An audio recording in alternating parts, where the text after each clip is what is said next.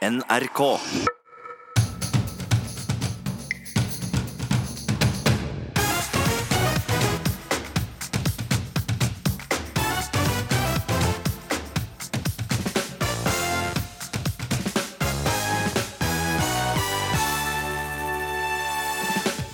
Vindkraft er veien å gå hvis vi vil ha ren energi og redde klima, mener energiministeren. Alt de ser er døde fugler og gravemaskiner, sier Lotepus om vindmølleområdene i hjemtraktene hans. Satiriksgutta i NRK ble satt opp som kandidater på valglista til partiet Alliansen uten at de visste det. Nå varsler humorduoen kupp mot partiledelsen. Det, det blir maktkamp, da. Det blir maktkamp. Vi kommer til å stå på stand i august og september og si alliansen skal inn i EU. Lysglimt må gå. Jeg visste kanskje ikke at prisen skulle bli så høy, men angrer ikke på noe, sier tidligere håndballspiller Kjersti Grini, som virkelig har fått kjent på kroppen hvordan det er å drive seg sjøl til det ytterste på håndballbanen. Velkommen til ukeslutt i NRK P1 og P2. Jeg heter Ann-Kristin Listøl. Du kan slå følge med oss helt fram til klokka er to. Og vi starter med å gå direkte til landsmøtet til Arbeiderpartiet, der de akkurat har beslutta noe i det betente oljespørsmålet. Og Katrin Hellesnes, hva er det som har skjedd? Her har eh, AUF fått eh, gjennomslag, så Arbeiderpartiet går ikke lenger inn for eh, konsekvensutredningen som de gikk inn for på forrige landsmøte for to år siden. Altså Lofoten, Vesterålen og Senja. Skal ikke konsekvensutredes. Det fortalte partileder Jonas Gahr Støre på en hastig innkalt pressekonferanse nå nettopp. Han understreket at dette ikke ikke er snakk om noe varig vern. Han understreket også at en ikke gjør noe med skatteregimet i tilknytning til eh, oljevirksomhet, som også har vært eh, en debatt i forbindelse med oljedebatten på landsmøtet. Eh, og han understreket at det ikke var noe personlig nederlag for ham. Han har jo kjempet for å beholde dette kompromissvedtaket fra Arbeiderpartiets landsmøte i 2017, som altså åpnet for konsekvensutredning. Men ikke noe varig vern, altså? Det heter ikke varig vern, nei. Nei. Katrin Hellesnes, vi skal komme tilbake til deg med seinere fra dette landsmøtet. Fjell, fjorder, fugleliv, vakre solnedganger. Og 180 meter høye støyende vindmøller. Fornybar norsk vindkraft skal redde klimaet. Men eh, hva hvis prisen vi betaler er ødelagt natur? Denne uka ble det rabalder igjen, da det ble kjent hva slags 13 områder som Norges vassdrags- og energidirektorat, NVE, pekte på som de mest egna områdene for landbasert vindkraft. Leif Einar Lote, òg kjent som Lotepus, du er kjent fra Farmen Cowboys og Nei, Nei, Fjorden Cowboys og Farmen Kjendis. Her ble det en kombinasjon. Du bor i Sørfjorden i, i Hardanger. Og hva syns, eh, hva syns du om disse vindmøllene? Nei, Jeg syns det er ikke noe nok om de greiene der, da. I hele tatt. Ja, for at, altså, eh, Du er nå på vei inn til Odda. Eh, men der du bor, da, det er en drøy time fra der du bor og til et område som er da egnet til å bygge vindmøller, mener NVE. Eh, hva er det som er problematisk hvis det blir vindmøller der? Jeg forstår ikke vitsen med vindmøller. Jeg mener de kan bruke teknologien sin på å lage bølgekraftverk og bruke strømmen i havet eller og legge inn der, da. Og ja, bruker, bølge, bruker pengene på bølgekraftverk som ikke du ser i naturen. Du vil, du vil flytte disse her vindmøllene ut i havet? Jeg kan endelig flytte dem ut i havet òg, men jeg mener de bør, eh, de bør, ha teknologi til å lage bølgekraftverk som ikke er synlige. da. Ja, og vet du hva? Da skal vi ta den utfordringa. Fordi at Kjell Børge Freiberg, olje- og energiminister fra Frp Nå hører vi at det er litt eh, summelyd her, for du er faktisk på en båt i Lofothavet. Lotepus vil heller ha bølgekraftverk. Hvorfor går du ikke for det? Du, eh, for meg så er det ikke snakk om verken det ene eller det andre. Jeg tenker at eh, det som er eh, fornuftig, det er i et samfunn som kommer til å bruke elektrisitet i større og større grad, så må vi utnytte de naturgitte forutsetningene vi har til å produsere ren norsk fornybar kraft. Og bølgekraft står ikke i motsetning til vindkraft på land, men bølgekraft har da den tingen i seg at den teknologien har vi ikke på plass i dag i tilstrekkelig, i tilstrekkelig grad. Og spesielt hvis vi sammenligner med, med vindkraft til, til lands. Ja, men vi skal slippe til, Du skal få si mer etterpå, men slippe til Lote her òg. Altså, Lote, du hører ministeren her si at altså, teknologien er ikke på plass ennå til å få til det, så da må vi gå for disse vindmøllene nå. Hva sier du til det? Nei, Det er et dumt argument, syns jeg. For det, De greier jo å lage både jetfly og atomvåpen og alt. Så når de lager et bølgekraftverk, da må de da få hakka meg sjå og greie å få til etter hvert, syns jeg. Da må de vente til de greier å få det til, da. Ja, Freiberg, Lot er jo ikke den ene som sier dette her. Ha is i magen, vent, teknologien går så fort. Når vi klarer å lage jetfly og atomkraftverk, skal vi klare dette? Ja da. Eh, det tenker jeg at Altså, bølgekraftverk er ett alternativ. Vindkraft til havs er et annet alternativ. Men vi må jo erkjenne og legge til grunn at teknologien er ikke der. For hadde teknologien vært der, så hadde nok også den muligheten vært utnytta. Men så er det jo åpenbart at eh, er det noe vi har masse av i Norge, så er det vind. Eh, og vind med dagens teknologi er godt egnet til å skape ren fornybar kraft. Eh, og Derfor er vindmøller eh, aktuelle. Og så har jeg bare lyst til å være veldig tydelig og understreke og presisere at da er det et genuint poeng at vi bygger disse vindmøllene på en plass der vi ivaretar mest mulig hensyn som Eh, friluftsliv, eh, naturmangfold eh, og den type ting. Og Det er jo nettopp den jobben som vi har starta på. Det er derfor NVE kommer med et forslag. Det er rett og slett for å utnytte denne ressursen på en god og bærekraftig måte, der vi ikke ødelegger natur. Hva? altså Lote. Altså Vindmøller, da. Noen vil jo si at de er hvite, de er slanke, de dreier i takt med vinden. Noen har små vindmøller til pynt i blomsterbed og i hage, hagene sine òg. Er det liksom Er det virkelig så ille?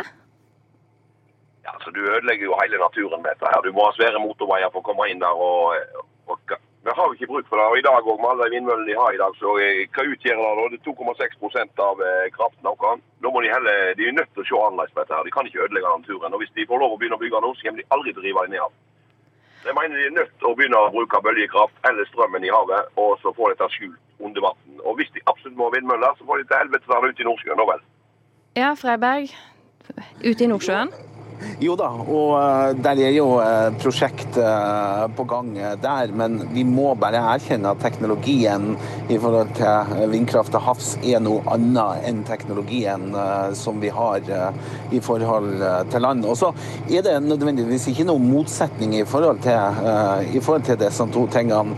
Og så er det ikke et ønske om å ødelegge natur. Tvert imot har vi starta en jobb der vi skal ha en bred høringsprosess, involvering for å kan gjøre dette på en sånn måte at vi bygger vindmøllen der det blir minst konflikt, der vi ivaretar naturen på best mulig måte.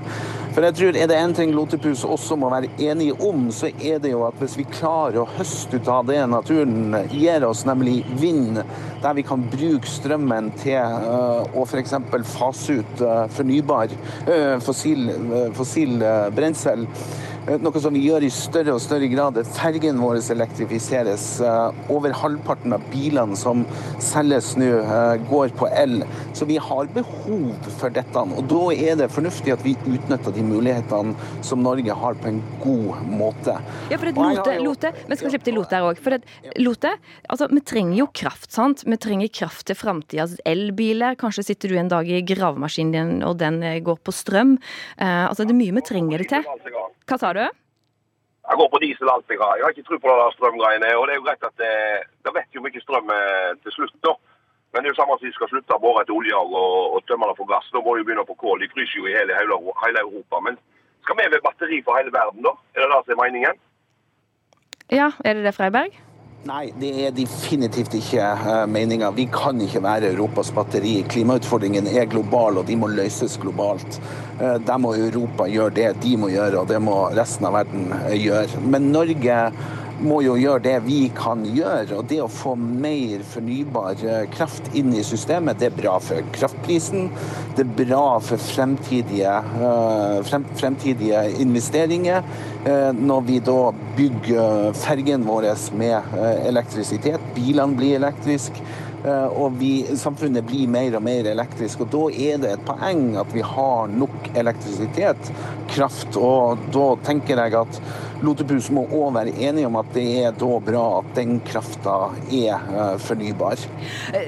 Han har ikke vært helt enig i det så langt, på en del av de tingene du har sagt. Men Lote, til slutt da, hvis det blir vindmøller nå eh, hos dere, hva, hva gjør du da?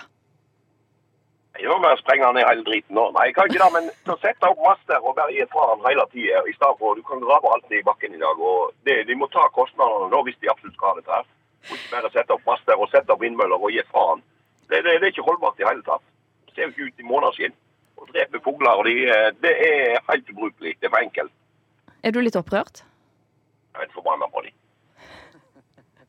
De kan til helvete lage bølgekraftverk. og Hvis ikke de er gruppe nok til det, så må de få noen andre som sitter der inne som kan lage og tegne dette. her. Det kan ikke være så vanskelig. Det tror jeg ikke på. Eh, det kan hende at eh, Freiberg, sa du noe nå? Det var litt langt unna? Ja. Da var det litt dårlig dekning her. Men eh, det, det kan hende at vi må invitere dere tilbake her. Du er på Lofothavet, du. Eh, Kjell Børge Freiberg, du hørte her at eh, Lote var ikke helt enig i dette her. Eh, Møt gjerne Lotepus. Ja, du, hva sa du? Du møter han gjerne? Nei, det Og jeg nå var det dårlig dekning her. Vet du hva? Vi sier takk til deg, Kjell Børge Freiberg, olje- og energiminister, som var med oss fra Lofothavet, der dekningen var bitte litt dårlig nå på tampen. Og til deg, Leif Einar Lote, veldig godt kjent som Lotepus, som var med oss i bilen på vei til Odda. Ouch. Hm. La. Ouch. Hm. La. Ouch. Ouch. Hmm. Ouch. La. Ouch. Ouch. Ouch. La. Ouch. Ouch. Ouch. La. Ouch. Ouch. La. Look at me, I'm a beautiful creature. Dette var fjorårets vinnerlåt i Eurovision Song Contest. Israelske Netta vant med sangen Toy. Og dermed er det Israel som arrangerer årets finale nå i mai i Tel Aviv. Men i Dagsavisen i går så kunne vi lese om flere artistopprop som går inn for boikott av det israelske arrangementet. Mari Boine, Ratzika, Marte Valle og Bugge Wesseltoft er noen av de som har signert. Og Elling Borgersrud, du er kjent som artist og rapper fra Gatas Parlament. Hei sann. Hei. Du er en av de 75 norske artistene som nå har signert eh, opprop om boikott, som ble starta i fjor høst i regi av Palestina-komiteen. Ja. Hvorfor?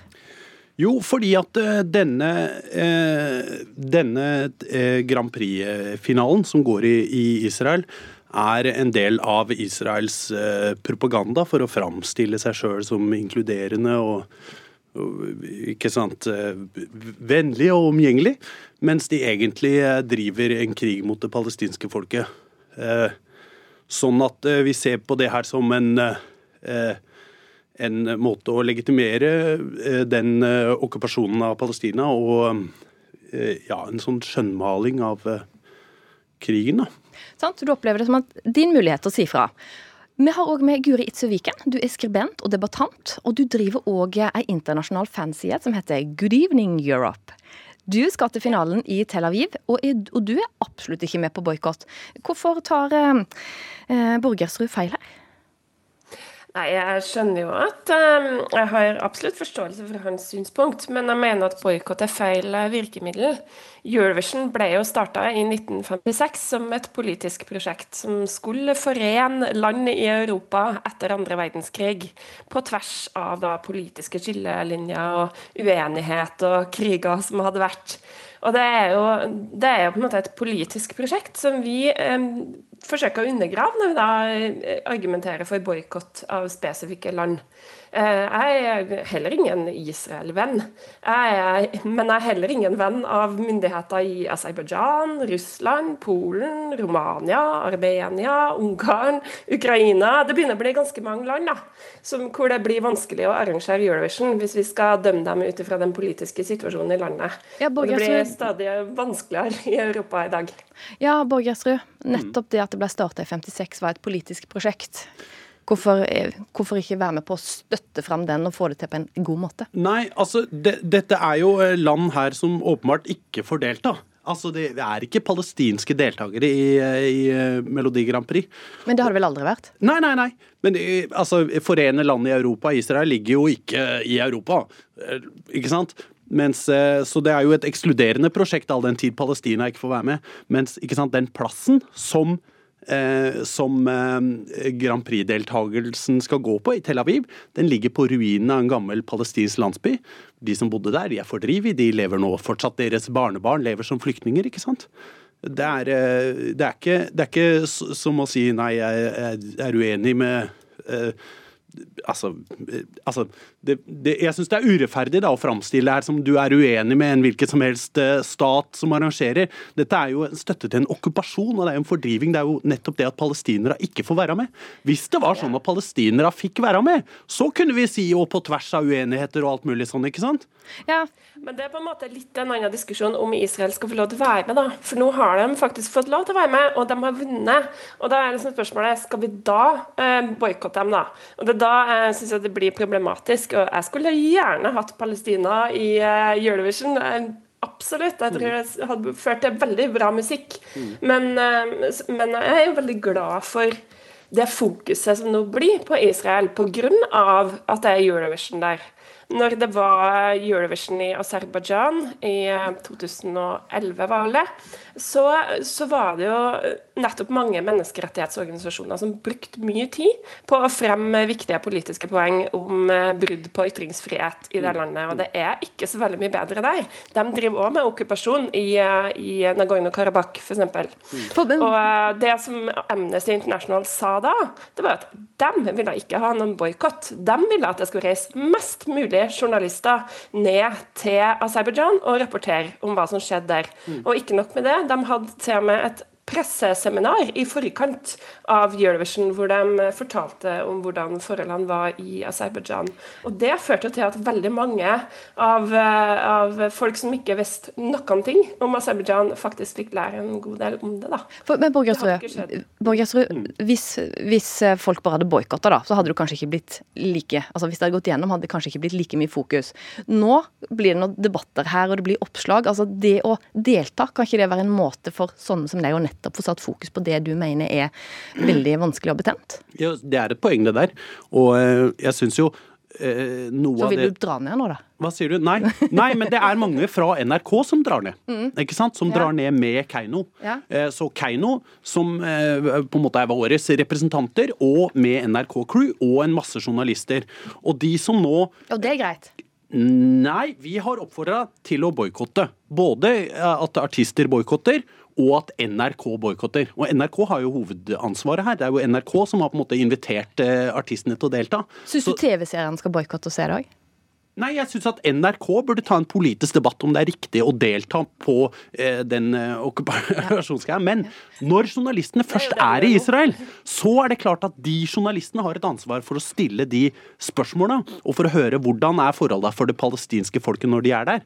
Det gjelder jo både Eh, dere fra NRK og, og eh, artistene og, og sånt også. Det håper jeg. Og du skal slippe til deg, Viken. Viken skal slippe til deg. Jeg skal bare ta inn et par sitat. fordi at eh, eh Vi har snakka med, fått en kommentar fra Fred Buljo, eh, som sier at eh, de hadde ikke anledning til å delta i dag. men når Eurovision avholdes i Tel Aviv, og NRK har bestemt at Norge skal delta, så mener de at å framføre en låt som setter fokus på minoriteter, er bedre enn å boikotte arrangementet.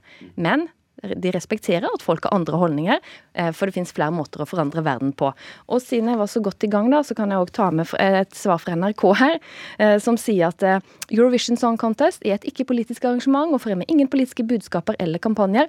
Eurovision har alltid handla om å støtte opp om verdier som fellesskap og mangfold. Og dette er verdier NRK og 41 andre kringkastere stiller seg bak når de deltar i Eurovision Song Contest i mai. Hvem sier dette? Ja, Det var, var for NRK. Uh, uh, og ja, Så Viken. Nå skal, få, nå skal, du få, slippe til, for nå kommer det to lange sitater inn her. Ja, Borgersrud kom med litt kraftig skyts her.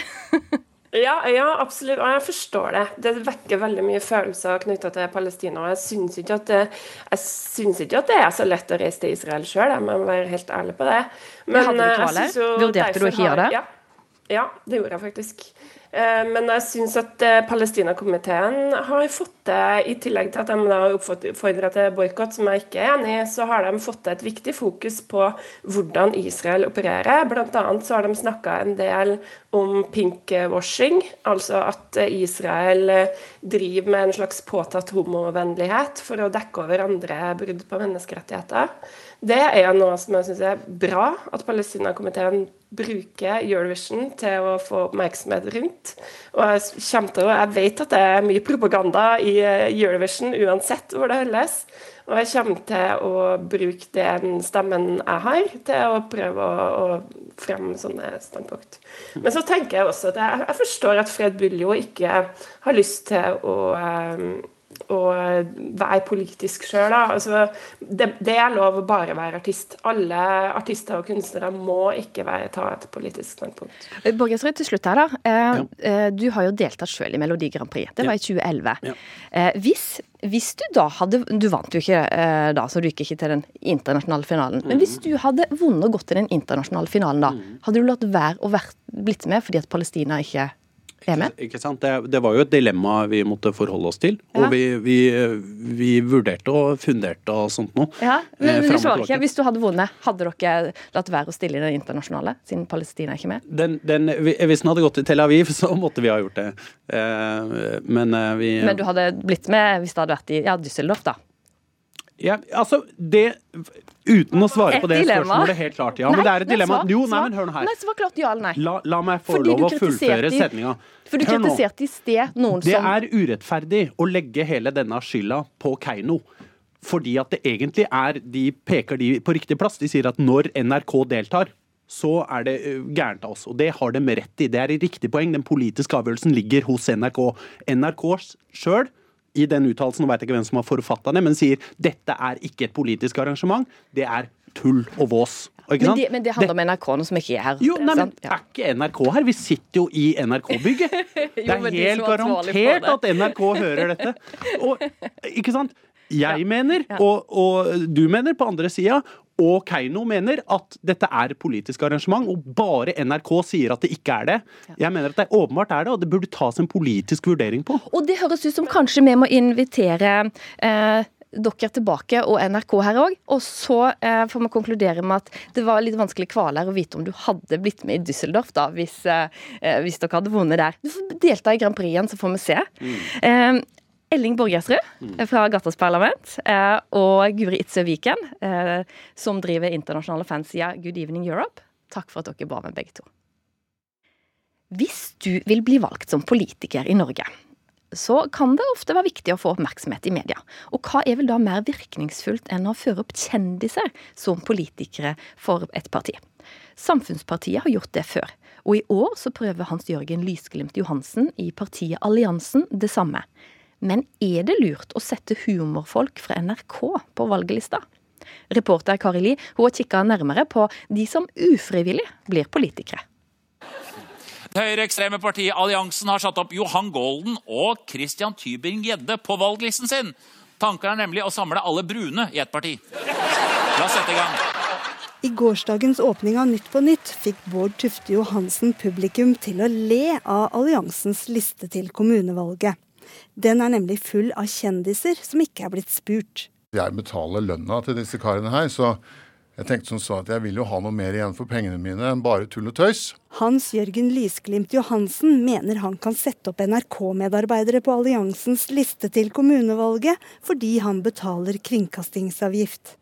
Johansen, som på YouTube hevder at jøder har for mye makt, og at tipp-tipp-oldebarna hans vil vokse opp i et Norge dominert av afrikanere og asiater, er invitert av meg til NRK for å møte listefyllet ansikt til ansikt. Hyggelig. Hei. Hyggelig. Hyggelig. Hyggelig. Johansen hilser på de han satte på plass nummer 57 og 58 på alliansens valgliste, nemlig de to programlederne i Satiriks. Vil du ha et glass vann? Ja, gjerne det. Du får ikke. Nei, nei. det er greit. Au da. Dette starta ikke godt. Kommer alliansens leder til å få et glass vann, slik alle andre gjester i NRK får tilbud om? Det skal du snart få vite. Men først forflytter vi oss til sjøsida av Oslo. I et bygg ved siden av rådhuset sitter fire kvinner med blikket festa på hver sin dataskjerm, mens fingrene løper over tastaturet. Vi har allerede begynt å sende ut brev, så, så det er flere kandidater som vil få brev nå i løpet av neste uke. Og alle får det på papir. Rundt 3000 personer skal sjekkes og få brev fra Carina Millers kontor.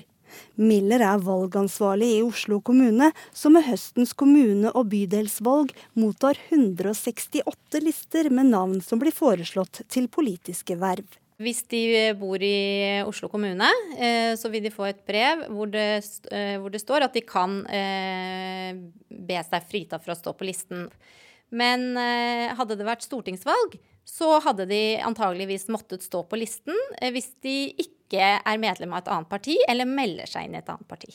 Men det er ingen som risikerer at de står på en liste som de ikke vet om, og så kan de bli valgt uten å vite det? Um, ja, altså hvis du ikke får med deg at du har fått et brev, altså hvis ikke brevet kommer fram, eh, men eh, så, så, vil du jo kunne risikere å, å, stå på en liste.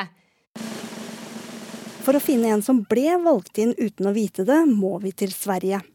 55, 56, 57 57 og 63 er vinner! Året er 1980, og Thomas Vassberg snapper gullet i OL i Lake Placid, en hundredel foran Joha Mieto. For fire år siden kom Vassberg i fokus igjen. Denne gang hadde langrennsløperen fått en plass i kommunestyret i Berg i Jämtland for Sverigedemokraterna, uten at han visste om det. Systemet gjør fel i seg. Du skal jo ikke kunne sette opp et navn om du ikke har spurt det er jo det som er fel. Sen vilket parti det är, det er jo en annen sak. Har du hatt noen drøm om å bli politiker? Eh, nei, det har jeg egentlig ikke. Jeg har svårt med politikerfolk. Det som er viktig, er at det å stille på liste til politi politiske verv i Norge, det er en plikt vi har. Hans Jørgen Lysglimt Johansen har fått et glass vann og ser som vanlig blid og fornøyd ut der han sitter overfor satirikerne i NRK. Du prøver å bruke mediene til å spille mot oss, men dette spillet kan vi. Ja, ja. Vi har tullet lenge. Sturle Vik Pedersen og Markus Gaupås Johansen lager sin egen humorvri på det meste i Satiriks. Nå har duoen, som er nummer 57 og 58 på alliansens valgliste, funnet ut at alliansen har mista velgere. Partiet fikk 5000 underskrifter da det ble danna, men kun 3000 stemmer ved forrige valg. I alle andre partier, hvis du mister 40 av velgerne, mm. så går lederen. Altså, ja. Det er ikke noe diskusjon engang. Lederen har det øverste ansvaret, og du har ledet feil. Ja. Så vi vil gjenreise alliansen. Mm. Eh, vi vil danne Nyalliansen. Nyalliansen. Eh, vi er enige med deg at eh, Norge skal ut av EØS. Vi vil ha fullverdig medlem i EU. og det tror jeg også velgerne vil. Men det, det blir maktkamp, da. Det blir maktkamp. Vi kommer til å stå på stand i august og september og si alliansen skal inn i EU. Lysglimt må gå.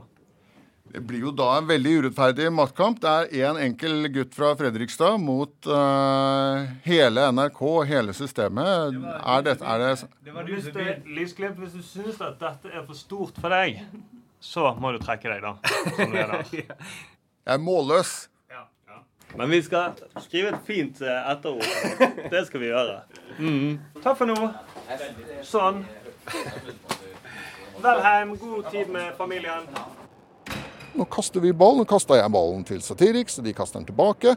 Og så får jeg kaste den tilbake igjen. Da. Det er jo sånn dette spillet her nå går fremover. Du, du setter jo kjendiser og TV-personligheter på lista di for å få oppmerksomhet.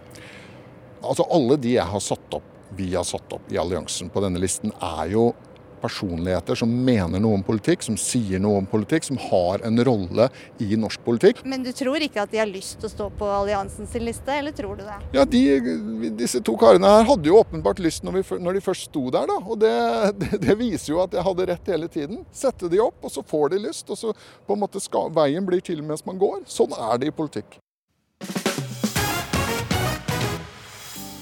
Vi må skyte otere for å redde utrydningstrua ærfugl, mener jeger. Nei, oteren er òg utrydningstrua, svarer miljøorganisasjonen. Og hva er egentlig forskjellen på Paradise Hotel og politikk? ikke så altfor mye hvis vi skal tro på AUFs tidligere leder, som er veldig tilhenger av programmet. Mani Hussaini, hvis de ringer fra Paradise Hotel, vil du bli med? Hva svarer du? Ja. Følg med videre i Ukeslutt, så skal du få høre mer om begge disse to tingene her. Men akkurat eh, nå så skal vi tilbake igjen til Oslo sentrum og til Folkets hus og Arbeiderpartiet. For det har vært knytta stor spenning til hva Arbeiderpartiet skulle gjøre eh, med eh, oljevedtaket sitt. Og aksjonistene er samla på utsida av landsmøtesalen, men vi skal starte inne nå hos Katrin Hellesnes. Hvordan har responsen vært etter at de ble enige om et kompromiss? Uh, nå har jeg snakket mest med Jørn Eggum fra Fellesforbundet, uh, som sitter her sammen med meg nå. Uh, AUF jubler jo, da. mens LO og partiledelsen de tapte. Nordland 6, Troms 1 og Troms 2 skal ikke konsekvensutredes. Jørn Eggum, er du skuffet? Eller hvor skuffet er du? Nei, altså jeg, På en skala fra 1 til 6 så ligger vel jeg god et sted mellom fem og seks. Det kunne ha vært, eh, kunne vært verre enn eh, dette òg, hvis det, eh, de forslagene som skal behandles her i dag, hvis alle de hadde gått i feil retning. Men det gjør de ikke. Men jeg er selvsagt skuffet over at vi nok en gang lar en mulighet gå fra oss til å skaffe oss kunnskap og kompetanse om dette området, for å se om det er muligheter til å kunne få åpnet opp for aktivitet innenfor petroleumssektoren. Da vi snakket sammen på forhånd, så sa du at, ehm, at det heller ikke var bra for Arbeiderpartiet? Nei, det er klart at Nå er jo jeg et organisasjonsmenneske på, som er opptatt av at når man samler seg om et kompromiss, så står man bak det. For dette kompromisset det var vondt og vanskelig for eh, veldig mange aktører. Og når vi gikk til valg i 2017, så hadde vi et kompromiss på Lofoten, Vesterålen og Senja som kombinerte vern og konsekvensutredning av noen blokker. Eh, og det programmet det har en varighet på, på, fire år.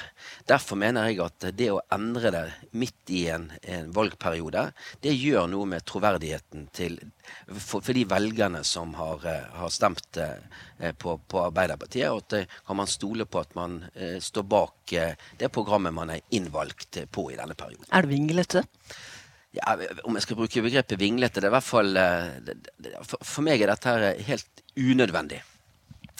Um, men Jonas Gahr Støre var nøye med å understreke at det er ikke snakk om varig vern. Skatteordninger for leterefusjon skal bestå. Det skal heller ikke settes noen sluttdato. Er ikke det bra? Jo, det er veldig bra. Og jeg, eh, sånn at vi ikke i all skuffelsen eh, glemmer å, å, si det at for medlemmene og tillitsvalgte i Fellesforbundet så er, finnes det ikke et parti som har bedre næringspolitikk samlet sett enn Arbeiderpartiet. Blir det noen landsmøtefest på deg i kveld? Ja da. at uh, vi, jeg, har, uh, jeg er laget sånn at skuffelsen går over, og så dusjer vi og får på oss finskjorten. Og så har vi det kjekt sammen med gode kamerater. Takk skal du ha, Jørn Eggum. Hvordan er stemningen eh, ute hos demonstrantene da, Leila? Stemningen er noe annerledes her ute utenfor Folkets hus. For jeg står sammen med en av aksjonistene, nemlig 17 år gamle Kaja Marie Nyland. Og dette her har du kjempet for siden du var 11, og i dag sa Jonas Gahr Støre at de ikke kommer til å konsekvensutrede Lofoten, Vesterålen og Senja. Hvordan, hva tenker du om det nå?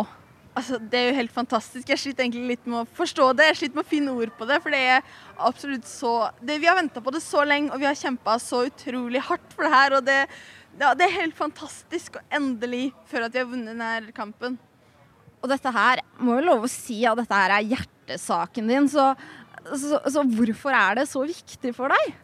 Det er jo veldig viktig for meg. Jeg bor i Lofoten. Jeg er fra Lofoten. Uh, og for meg så har jeg alltid vært veldig opptatt av havet. Og når jeg fikk vite at noen politikere ønska å bore etter olje der, så ble jeg så sint. Uh, og det har gjort at jeg ville kjempe denne saken så utrolig hardt nå i seks år. Uh, og den, den, betyr så utrolig mye for meg, da, for den, det er en sak som handler om at vi må verne om naturen vår. Vi må verne om arbeidsplasser fiskerinæringa vi kan ha for framtida. Vi må verne om klima, for vi ser vi kan ikke bore etter mer olje om vi skal stoppe klimagassutslippene. Og det handler om framtida til alle oss unge. Vi vil kunne bo i Lofoten uten å måtte se på stygge oljeplattformer. Og videre nå så, så, kommer det selvsagt til å bli jubel og feiring fra Natur og Ungdom og dere. Og det jeg lurer på da, er på en måte De sier nei til konsekvensutredning, men ikke til varig vern. Så hvordan blir kampen videre nå? Nei, Man kan jo ikke si at kampen er over, for den er ikke over. Vi vil ha et varig vern. Men i dag er det Arbeiderpartiet som skal ha ros for å ha gått inn for denne vedtaket. Fordi det var virkelig på tide, og det er veldig, veldig bra. Nå står de på rett side i denne kampen. Tusen takk til deg, Kaja Marie Nyland. Og etterpå skal vi høre mer av deg med, en, med et kamprop. Men tilbake til studio. Vi kommer tilbake til mer sang med, men eh, takk til deg, Leila Ferratovic, reporter nede på Youngstorget i Oslo. Så skal det bli mer sang etter sang. De har eh, sangen klar, som er spesielt skreddersydd, denne kampsangen, for denne anledningen, nemlig Arbeiderpartiets eh, landsmøte. Og sangen heter 'Stemme for Lofoten'. Og har dere lyst til å synge litt av den for oss her i Ukeslutt? Ja. ja vel det. Du å sette i gang. Hører du havet kall i landsmøtesalen? Hvert eide står der og holder den talen. La det bli oljefritt der torsken bor. Fra torget synger vi i kor, og alle synger. Gi oss en stemme for Lofoten, en stemme for Vesterålen, en stemme for Senja. En stemme for torsken, gi oss en stemme for fisken. En stemme for folket, en stemme for fremtida, en stemme for landet.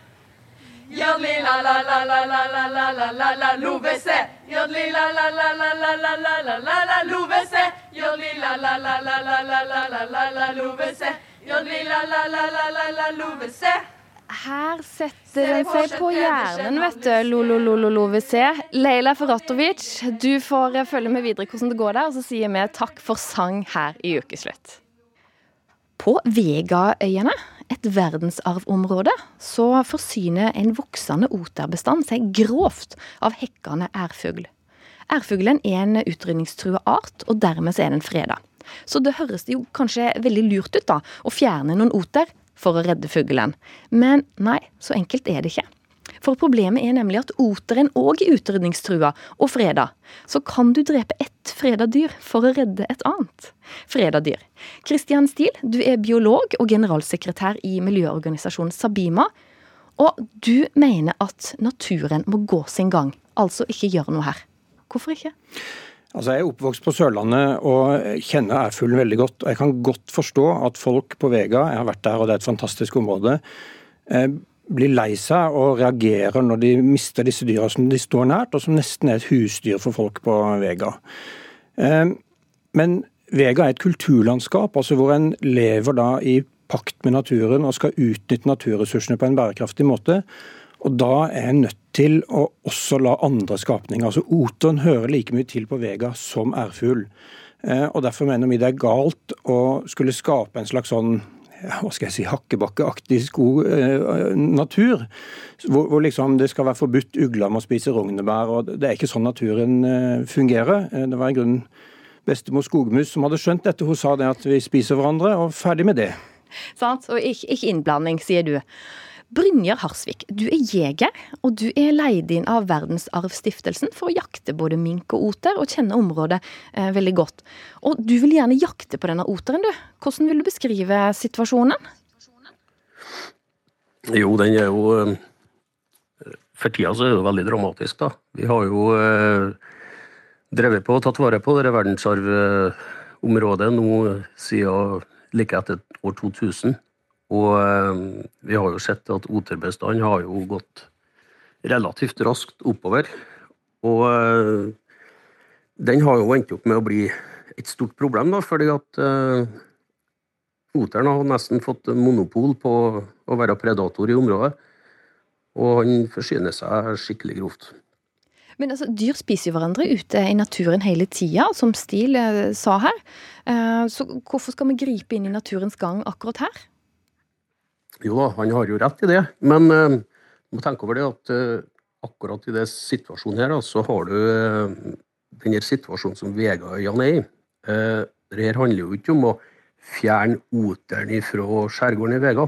Det handler om at vi har en tusenårig tradisjon som har foregått uh, der eh, du har en symbioseforhold mellom ærfugl og folk i området. Der ærfuglen kommer inn til husene og får eh, beskyttelse i hekketida, i bytte mot dun. Og eh, de områdene som eh, dekkes av dette her, det er jo bare noen små flekker på kartet. Og vi ønsker at vi har muligheter til å ta bort oter akkurat i de her små ærfuglværene, kun i hekketida. Det er ikke snakk om å rydde ut oteren i store områder og ha generell jakt på den, men vi må få lov til å beskytte ærfuglen akkurat i den der perioden for å ivareta den der tradisjonen der som har foregått i over 1000 år. Ja, og Det skal Stil få svare på. For som du hører her, han vil skyte noen oter, han, og, redde ærfuglen og holde på verdensarvstatusen. Så hvorfor ikke kunne gå inn og regulere litt? Altså, jeg er helt enig i at, at ærfugl, eh, altså dunvær, høstingstradisjonen, fantastisk, eh, en fantastisk kulturarv som vi må ta vare på. Og Det gjør man jo også. Det er jo på en måte gitt mye støtte til. Eh, det er oppretta et verdensarvområde eh, fordi en skal ta vare på denne tradisjonen. Men den må også skje da i samspill med naturen. Eh, og det er også ganske eh, risikabelt å begynne å gripe inn i de eh, systemene som, som, fungerer og, som har avbalansert seg gjennom nettopp tusenvis av år. Hva kan du risikere da? Jo, for Oteren har vært til stede bestandig, mens vi har jo fått en ny gjest inn som heter mink, som kommer fra Nord-Amerika, som ikke hører til i disse økosystemene. Og Oter er f.eks. også en predator og en som skremmer bort minken. Er du redd for at hvis det blir skutt flere oter, så kan det bli mer mink? Det kan det bli. Ja. Og det kan skje andre ting. Og det som jeg mener en må gjøre, er altså gå inn, som han sier, og, å beskytte ærfuglene. Det kan gjerne gis eh, mer støtte til eh, f.eks. at mennesker kan passe bedre på, skremme bort, bort oteren der hvor det skjer. Og så har også Fylkesmannen gitt tillatelse til å felle enkelte oter, som kan gjøre, være et spesielt problem. Og Det syns jeg er en helt grei ordning. Ja, Harsvik, hvis, hvis du får uh, skutt flere oter, da, og så får du minken inn som, er, som ikke er naturlig i, i Norge, hva da? minken som predator i ærfuglværene i Vegaøyene, den eksisterer ikke. Den har vi rydda ut i ærfuglene. I muddværet så har det vært tre minker innom siden 2003. Ingen av dem levde lenge nok til å ta en fugl. Ja. Så, så det er bare tull. Ja, stil. Ja, altså Minken kan komme tilbake. I hvert fall så har man jo sett mange steder at når man begynner å tukle med disse predator-byttedyrsystemene, så kan det skje veldig rare ting. Det finnes til og med studier av ærfugl og måker fra Nederland hvor man har fjerna måkene, og det går faktisk dårligere med ærfuglene fordi ærfuglene og rovdyrene deres er tilpassa å leve i et system sammen. En må se på de grunnleggende faktorene for hvorfor disse artene havner på rødlista. Jeg syns f.eks. det er veldig bra at det nå er blitt forbudt med fiskeoppdrett i Vega-området. sånn at eh, en måte skal ta vare på de naturlige økosystemene. Og der hører altså også rovdyrene hjemme. Det var ingen som ville finne på at vi må f.eks. skyte trost på plenen fordi den tar meitemark. Altså Dette er en, en del av, av, naturen. Og Fylkesmannen har tillatt et begrensa uttak av, av oter, som kan være spesielle skadegjørende individer.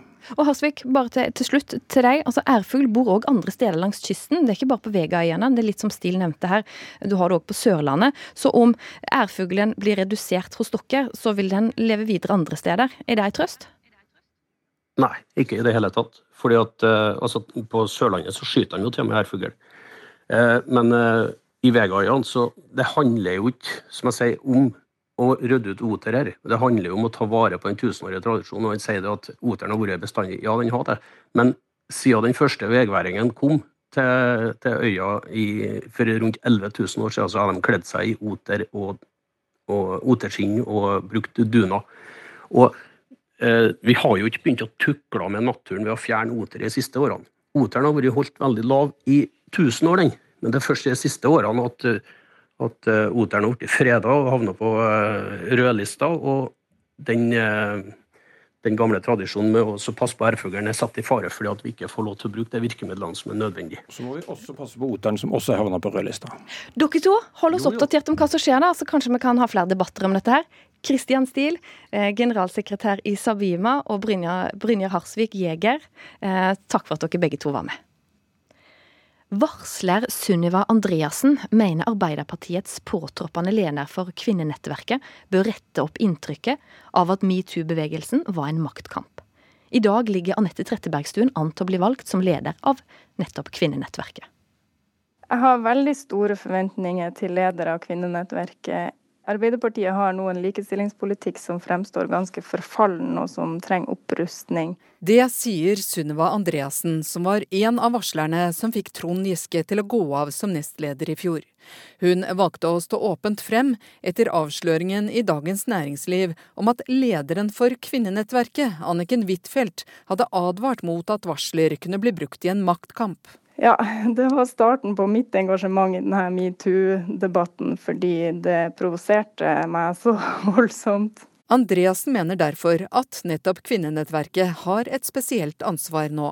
Så jeg syns eh, det er kvinnenettverket som bør ta ansvaret for å løfte metoo-debatten ut av maktkampsporet og tilbake dit eh, den hører hjemme. Der debatten egentlig handler om likestilling, likeverd og deltakelse. Vårt kvinnenettverk jobber for retten til heltid, slik at kvinner kan forsørge seg sjøl. For bedre håndheving av regler mot seksuell trakassering i arbeidslivet. Anniken Huitfeldt nevnte seksuell trakassering i en bisetning på det første landsmøtet etter Giske-varslene. Dette er også hennes siste landsmøte som leder for kvinnenettverket, noe hun har vært i tolv år.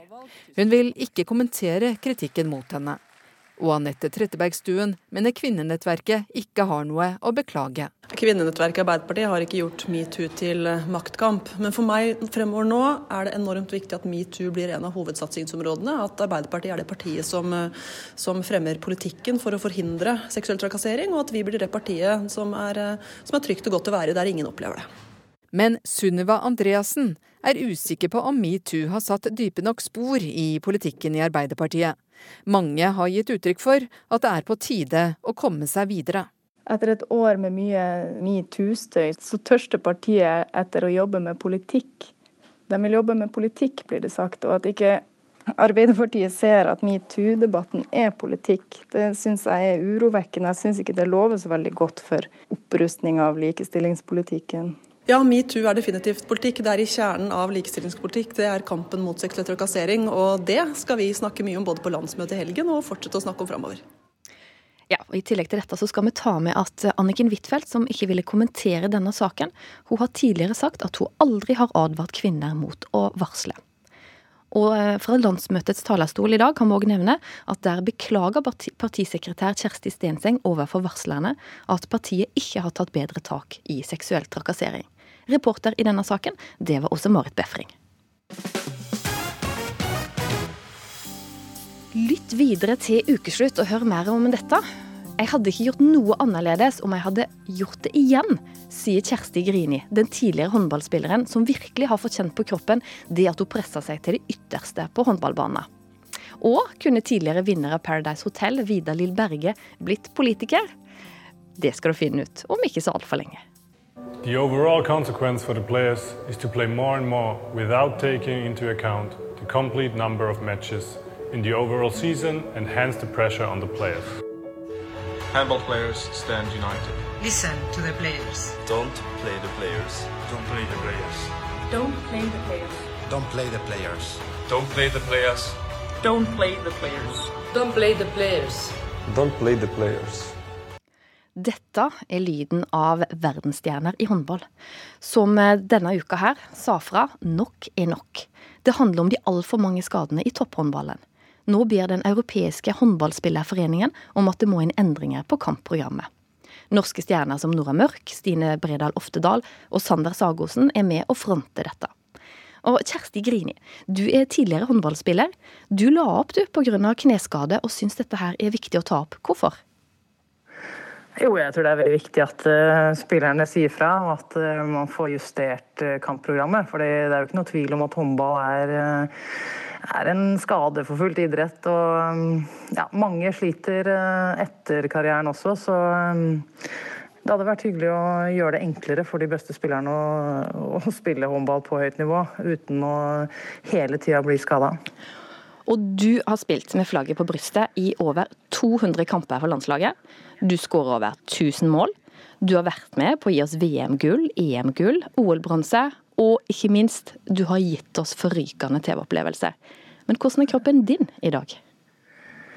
Den bærer jo preg av årene med håndball, det er det jo ikke noe tvil om. Um, får, uh, har fått ødelagt begge knærne, og det er to viktige ledd, dessverre, når, uh, selv i det bare vanlige, vanlige liv utenom idretten. Så ja, prisen er, er, der, den, altså. Men sånn, eksempel når du står opp, da, altså i løpet av dagen, tid har altså, har du vondt? Nei, Før jeg skifta det ene kneet og fikk en protese, så var det jo mye Egentlig litt sånn smerter hver dag. Spesielt hvis jeg gjorde noe. Gikk en skitur eller uh, lekte litt med unga eller uh, ja, gjorde andre helt vanlige ting. Så ja, ga det både hevelse og smerte. Litt sånn som leddgikt-lignende. Uh, men det er mye bedre enn nå, når jeg har fått en, en kneprotese i hvert fall. Ja, Må du kanskje ei til, eller? Ja, det kommer jo, men jeg eh, prøver å utsette det litt, da, for det var ikke noe sånn veldig morsom eh, Det er noe best med de delene man er født med. For, for I et intervju med VG i fjor så fortalte du om hvordan var da kneet ditt sklei ut, og at du måtte hasteoperere, og så fikk du, du fikk på plass ei kneprotese. Hvordan var den perioden i etterkant? Nei, Den perioden var jo ikke noe morsom. Det er ingen tvil om at uh, kneprotese er uh, en smertefull greie. Men uh, når man kommer gjennom de første tre-fire månedene, så er det jo en form for smertelindring. For da har du plutselig et ledd som Det er litt stivere, men det gir ikke så mye smerter og plager, da. Så det var ikke noe gøy da, men det er veldig mye bedre nå. Men altså, hvis vi skrur tida tilbake, da. 20 år tilbake. Var du på noe tidspunkt lydhør for å ikke presse deg så hardt som du gjorde? Nei, det var ikke det, vet du. Det, du er midt oppi det, og, og, så er du ung. Og vet jo ikke hvordan eh, voksenlivet blir, for å si det sånn.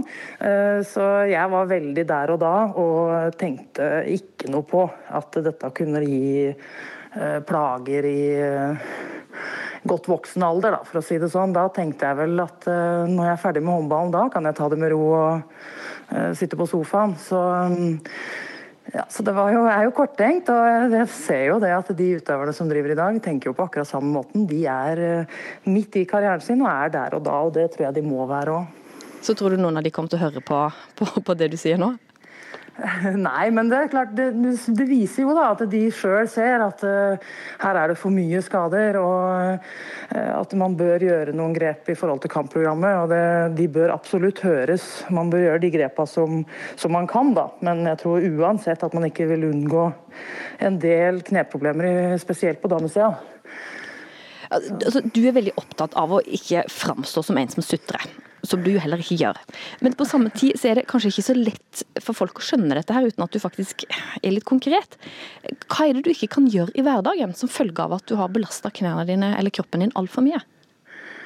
Nei, altså det handler om aktivitet. da. Enten det er å leke med ungene eller være med de på f.eks. håndball eller fotball uh, i hagen eller uh, den type ting. Sånn at du, du, du, må liksom ta til takke med et liv uten spesielt mye aktivitet uh, etter håndballkarrieren. Da. Og det, er kanskje greit, høres ikke så ille ut, men det er ille for en person som har levd med høy aktivitet Eh, i mange mange år, og, og som liker det og, og, trives godt med det. Så da kan det være tøft å plutselig måtte være veldig mye ro for å ikke ha vondt. da. Hvorfor la du ikke opp litt før, da? Jeg vet ikke om det hadde hjulpet noe. Jeg hadde jo en del inngrep i knærne opp gjennom hele karrieren. Og, men det er klart, nå var jeg også uheldig med min siste operasjon i det ene kneet, så det kneet ble ødelagt. Um, det er litt flaks-uflaks uh, her òg, men um, ja, de fleste jeg kjenner da, som har uh, av mine kollega, gamle kollegaer, de har jo trøbbel med knærne, de fleste av dem. Og, um, så det er, en, det er en pris du må betale, egentlig, er jeg redd. Om du kunne valgt bort eh, den daglige smerten, da, men det betydde at du òg måtte ha valgt bort de enorme prestasjonene dine, ville du ha gjort det? Nei, nei, jeg hadde, ikke, jeg hadde jo ikke gjort noe annerledes om jeg hadde fått eh, gjøre det om igjen, uh, tror jeg, da. Og jeg tror at man må være veldig der og da i karrieren og uh, ja, ofre det som skal ofres da. Jeg tror det er litt sånn, altså. man kan godt snakke om å være forsiktig, men det, det er ikke mulig for de mest sentrale spillerne i, i håndball. Det er, det er, jo de som protesterer nå, eller som sier fra. Så jeg bare håper at man lytter til dem og gjør det man kan da, for å gjøre det mer levelig. Er det noe trøst at du har begeistra enormt mange mennesker med prestasjonene dine? Ja visst, ja visst. Altså, ja, det her er jo noe jeg har valgt sjøl. Jeg visste kanskje ikke at prisen skulle bli så høy, men ja visst. Altså øh, Ja, jeg angrer ikke på noe, jeg. Du hadde gjort det igjen? Det hadde jeg nok. Kjersti Grini, eh, takk for at du var med her og fortalte litt om hverdagen etter toppidrettslivet. Og så håper jeg du ikke trenger å måtte bytte ut andre kne før på lenge, lenge, lenge. Ja, Krysser fingra for det. takk for at du var med her i Ukeslutt. Og så skal vi òg ta med at eh, vi har snakka med Håndballforbundet, som er enig i at belastningen på de spillerne som spiller mest, den er for stor. Men utfordringen er å finne de beste løsningene, og dette blir det jobba med nå. Og så sier de at hvis alle gjør litt sjøl, både forbund, trenere og spillere, så vil det kunne hjelpe. Har du noen gang sittet og zappa deg gjennom TV-kanalene og tilfeldigvis ramla innom Paradise Hotel? Kanskje ble du møtt av et mylder av krangling, nakenhet og drittslenging? Og kanskje tenkte du øh, hvem er det som melder seg på noe sånt? Hør på dette. Velkommen til Paradise Hotel. Å, herregud lakenet her. Det er så ferdigpult. Jeg tør ikke å sove uten G-streng eller noe liksom, om natten. fordi at eh, hvis jeg sover naken, så er jeg redd for at edderkoppene skal liksom gå inn i meg. jeg tenker at nå har jeg to valg. Enten spille spillet og gå imot alle mine moralske prinsipper. Eller jeg kan velge å ikke spille spillet og gå imot hele min egen allianse. Eller kanskje tenkte du oi, dette er gøy. Og hvis vi skal tro på tidligere leder i AUF, så er det faktisk mye vi kan lære av dette programmet som du nettopp hørte, annet om politikk. Mani Hussaini, du elsker Paradise Hotel, du. Hvorfor det? Ja, det er helt riktig. Jeg har sett uh, alle episodene i alle sesongene. Uh, jeg syns det er et program som er utrolig eh, morsomt og underholdende å følge med på. Eh, og eh, det er utrolig mange likheter med politikken. Det er strategi, det er spill, det er fraksjoner. Og det handler om å overleve og vinne. Eh, så jeg mener det er veldig mange likheter mellom Paradise Hotel og politikk. Og de som kritiserer det, de vedder jeg på at ikke har sett en eneste episode. og nå har du og andre Arbeiderpartipolitikere laga en podkast, mm. Perra og politikk, der dere snakker om begge deler. Men hva Vel, det er mest Paradise Hotel. Eh, vi har kalt den for politikk egentlig bare for å rettferdiggjøre at vi lager den podden. Vi er fire eh, eh kompiser som før bodde ganske nærme hverandre, så vi pleide alltid å se Paradise Hotel sammen. Så pleide vi å debrife etter hver eneste episode. Og nå har vi liksom aldri flytta til vårt og fått familie osv., men føler et behov for å, ja, for å snakke oss gjennom episoden. da. Og så snakka vi lenge om at kanskje det programmet Sofa som eh, går på NRK, hadde passa for oss. Men vi liksom fikk aldri ut fingeren og meldte oss på. Istedenfor har vi laget, laget en podkast som vi har kalt for Parapolitikk. og som sagt handler om først og fremst om Paradise Hotel. Og hva passer vel da bedre enn at vi har Vidar-Lill Berge her, som vant ja, Ikke bare var med i Paradise Hotel, men du har vunnet det. Du er òg kjent som eh, tidligere programleder i P3. Og ja, hva sier du til dette? Nei, jeg, jeg, jeg, blir jo litt rørt over at uh, man, tenk, man, tenker jo Paradise Hotel, så tenker man at det sitter bare tenåringer, i hodeløse tenåringer og ser på dette programmet, og det er bare dårlig påvirkning. Og, og så sitter det da en AUF, tidligere AUF-leder overfor meg og skryter Perra opp i himmelen. Jeg, jeg blir stolt. Hva kan eh, politikerne lære av Paradise Hotel? Altså, Paradise Hotel, for å vinne dette spillet, uh, så er det jo en liksom bli godt likt-konkurranse. Hvem er best likt? Eh, klarer du å appellere til de folkene du har rundt deg, som kanskje er veldig forskjellige fra deg? Eh, klarer du å skaffe deg venner? Klarer du å skaffe deg allianser? Eh, og det er jo noe politikerne også eh, burde gjøre. Ja, Mani Husseini, du har jo sett alle episodene. Du så vel da når Davida Lill Berge her vant. Mm. Hva er det du kan lære av henne? Det jeg kan lære av henne, er å eh, kanskje senke skuldrene, eh, ta eh, livet med ro og kose seg. Det var, det var sånn jeg husker deg fra den sesongen. Du, du, du koser deg, slapper av. Og det, på en måte, det å være seg selv, da, 110% som man sier på Paradise Hotel, det, det, er, det, er kanskje det aller viktigste tipset. Det gjelder både de som skal vinne Paradise, men også de som skal være politikere. Det handler om å være seg selv, ikke prøve å kopiere noen andre. Eh, og når folk får lov til å bli kjent med deg, så klarer du jammen å vinne hele greia. Ja, Blir politikerne enda mer folkelige, så vil jeg jo tro også at enda flere folk er litt sånn Ja, men fader, jeg liker han Jonas Gahr Støre. Eller jeg elsker Siv Jensen fordi de snakker mitt språk. For det er jo det som en del folk nettopp sier om politikken. Litt sånn, ja, De lover de liker, de sier bare noe for å oppnå det og det. Hva, Husseini, hva Nå har jo du gått av som AUF-leder, da. Men hva kunne du ha gjort for å blitt enda mer folkelig, hvis du hadde tatt med noen råd fra Paradise Hotel? Nei, det er eh, Ja, hva skal jeg si? Det er å, det er å snakke et språk som alle skjønner. Um, Det, har jo, det har vært noen deltakere på Paradise Hotel som har prøvd å virke smarte, men ikke har vært så smarte. Og så har du de som eh, eh, på en måte forsøkte å få med seg folk, eh, men og liksom har ligget litt i bakgrunnen, men samtidig er utrolig smarte. Det ser vi jo bare i denne sesongen her. Men eh, det handler først og fremst om å ikke være noen du ikke er. Ikke kopiere andre, men kjøre din egen stil. Være 100% ekte, som eh, man sier. Ja. Altså, Ikke ta seg selv så Høytidelig. da. Eh, Fordi vi er jo bare mennesker. Vi gjør det beste vi kan, og så feiler vi, og så snubler vi, og så er vi med på Paradise Hotel. Og det skjer, og det er jo en fin side ved politikerne òg bare vise. Vi er bare mennesker, vi òg. Vi feiler masse. Og du, Vidar Lill Berge, du fikk det til å gå et sånn gisp gjennom forsamlinga da du vant finalen i 2012. Men da du og da makkeren din sto der, og så holdt dere denne kula, så valgte du å slippe kula, for da endte du opp med å få hele premien sjøl. Ja. det, det, var, det er jo kanskje eh, jeg, jeg fløyt veldig godt i min sesong. da. Eh, Fire på å være hun greie, snille, men som også var gal og festa. Mens der liksom snudde det. Der viste jeg en helt ny side, hvor jeg virkelig var utspekulert, spilte spillet og svikta partneren min mens jeg så han i øynene. Så tok jeg alle pengene selv. Du visste at du var et menneske? Eh, Ja. Kan du det? At det, ja, det er mørke, det er mørke sider hos meg òg. Selv, selv om jeg er blid og Og Mani Hussaini, hva er slippe kula-øyeblikka i politikken? Åh, det, er, det er mye sv- eh, på en måte svik og utroskap i politikken. Det er det. Eh, kanskje det seneste eksempelet er eh, kampen mellom Knut Arild Hareide og Kjell Ingolf. da. Begge to holdt på kula, men eh, jeg mener Kjell Ingolf slapp først. og var utro mot Knut Arild og resten av, av KrF. Andre eksempler på å slippe kula, eller velge kjærligheten foran spillet, da. Det er kanskje Per Sandberg og Bahareh Letnes, jeg vet ikke.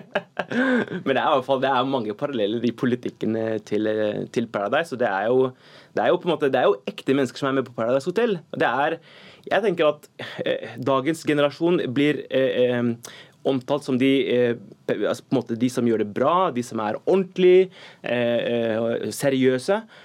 Da syns jeg det er fint også at vi har et program som Paradise Hotel som også viser at ungdom kan faktisk være litt ungdom. da, Som kan leve livet og slippe seg litt løs. Ja, jeg, er helt enig.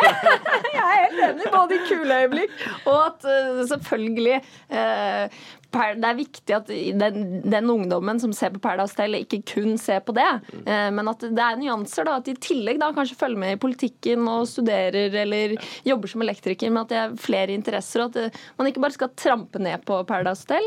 Kanskje man har noe å lære. Det finnes både gode eksempler og dårlige, eh, altså, gode forbilder og dårlige forbilder på Paradise Hotel. Det er ingen tvil om det. Du har sagt at hun er en av favorittene dine. Hun er en av mine favoritter. Det er helt riktig. Vidar Lill Berge, kunne du vært politiker? Eh, altså, jeg føler meg ikke kunnskapsrik nok til å sitte og ta politiske avgjørelser. Men kanskje i en sånn kommune, ei lita kommune, kunne jeg sitte der. Jeg er jo glad i å eh, prate foran forsamlinger. Og har jeg et brennende engasjement innenfor et eller annet, så kjører jeg på, liksom. Men Stortinget Nei, tror ikke det. Altså, hvis, hvis, det å være kunnskapsrik skal være på en måte en forutsetning, så tro meg, det er det ikke. det er det ikke. Og jeg mener det er bra, for jeg mener at det, det, det, politikken trenger, er først og fremst engasjerte folk som brenner for sine lokalsamfunn. Ikke nødvendigvis folk som er superkunnskapsrike og har lest 1000 bøker. Det er det vi trenger i politikken. Vi trenger folk som brenner for noe. Så jeg, jeg hadde stemt på det, Vidar Lill, du hadde stilt. Du får en stemme der. Jeg skal si takk til dere, men kun et ja-nei-spørsmål til til sist. Mani Hussaini, hvis de ringer fra Paradise Hotel, vil du bli med? Hva svarer du? Ja. Da vet vi det. Da er det vel kanskje bare å ringe. Mani Hussaini, Vidar Lill Berge, takk til dere to. Ukeslutt går mot slutten. Ansvarlig for denne sendinga er Julia Afshari Kaasa. Teknisk ansvarlig Eli Kyrkjebø. Jeg heter Ann Kristin Listøl, og vi i Ukeslutt sier riktig god helg!